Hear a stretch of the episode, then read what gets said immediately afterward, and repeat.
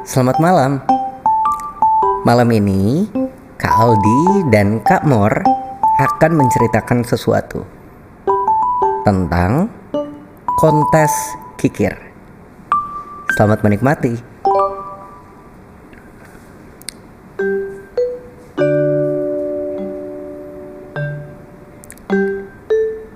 Suatu hari, ada sebuah desa yang disebut Desa Kikir karena hampir semua penduduknya memiliki sifat kikir.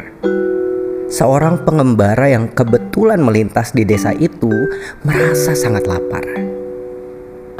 Alangkah terkejutnya pengembara itu karena hampir semua penduduk desa memiliki harta yang melimpah. Namun, tidak ada satu orang pun yang menikmati hartanya mereka justru menumpuk kekayaan dan hidup sangat irit. Ada seorang wanita tua yang memiliki rumah besar dan perkebunan luas.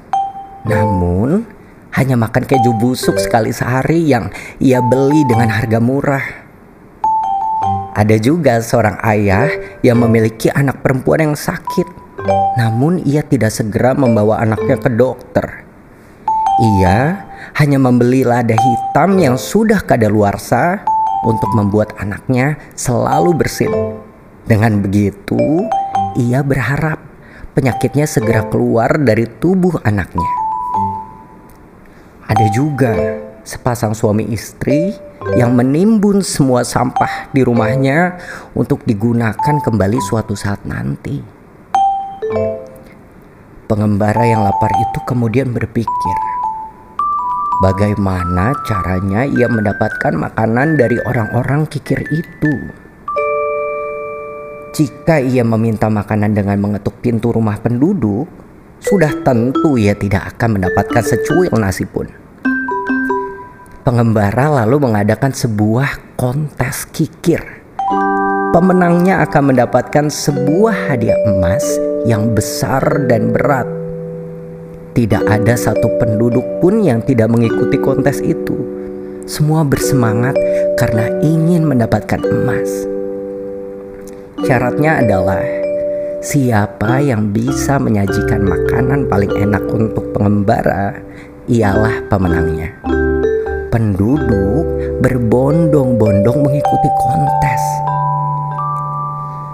Pengembara mencicipi makanan yang dibawa wanita tua ia membawa keju yang selalu ia makan. Keju yang sudah bau dan busuk yang ia beli dengan harga sangat murah. Pengembara lalu mencicipi makanan yang dibawa oleh seorang pria. Ia tidak ingin mengeluarkan uang sepeser pun dengan membawa air sumur dan memberikan pada pengembara. Lalu sepasang suami istri yang tidak ingin menyia-nyiakan tenaga dan uangnya. Mereka mengambil sisa makanan yang ada di tumpukan sampah di rumah. Hmm. Lalu ada juga yang memberikan sup garam, kulit buah apel yang sudah dibuang, dan yang terakhir seorang pria tua yang memungut secuil kapur yang tercecer di jalan lalu menggambar semangkuk bakso di meja yang ada di hadapan pengembara. Ah, tibalah saatnya pengembara mengumumkan siapa yang menjadi pemenang kontes. Saat yang ditunggu-tunggu oleh penduduk desa.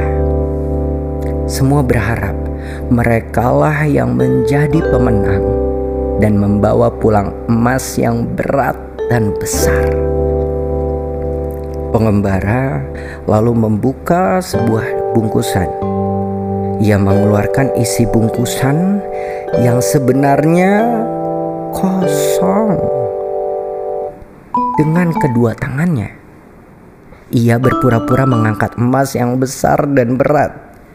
Ia pun membawanya dengan setengah membungkuk seolah yang ia bawa sangat berat. Dan pemenangnya adalah pria tua. Karena ia tidak mengeluarkan uang sama sekali untuk menyajikan makanan enak.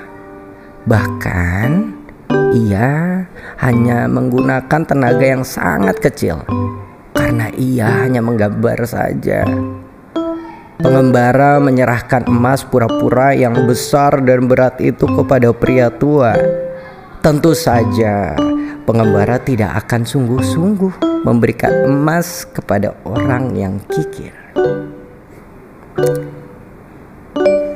Dari sini, kita bisa belajar bahwa sebaiknya kita harus membagikan apa yang kita punya boleh saja kita mengumpulkan semuanya sampai banyak ilmu, harta, atau apa pun. Tapi alangkah baiknya kalau kita bisa membagi kebahagiaan ke orang lain.